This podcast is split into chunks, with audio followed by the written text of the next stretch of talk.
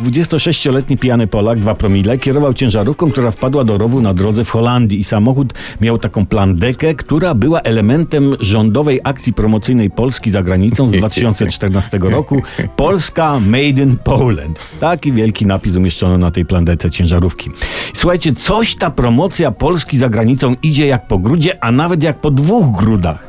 I z falą krytyki spotkała się decyzja Polskiej Fundacji Narodowej, odpowiedzialnej za promocję, żeby za 20 milionów sfinansować rejs dookoła świata. Ta sama fundacja zdecydowała się poprawić wizerunek Polski i prezesa na świecie. To w sumie na jedno wychodzi i wpadła na pomysł, a może to wcześniej minister kultury wpadł na taki pomysł, żeby powstał film hollywoodzki o historii Polski.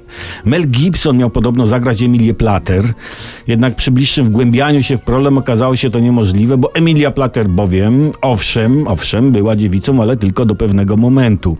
I chodzą niesprawdzone ploty, że za kolejne 20 milionów fundacja ma przeszkolić kilku polityków partii rządzącej w skokach narciarskich. No bo one się najlepiej ostatnio kojarzą. Co ważne, przeszkoleni politycy, i to jest myk promocyjny, nie będą lądować telemarkiem, tylko telejarkiem. I różnica jest taka, że telemarkiem ląduje się na ugiętych kolanach, rozumiecie? A telejarkiem ląduje się na kolanach wyprostowanych. Widzicie? A więc można skutecznie, a nie jakieś tam rejsy czy, czy pijane plandeki.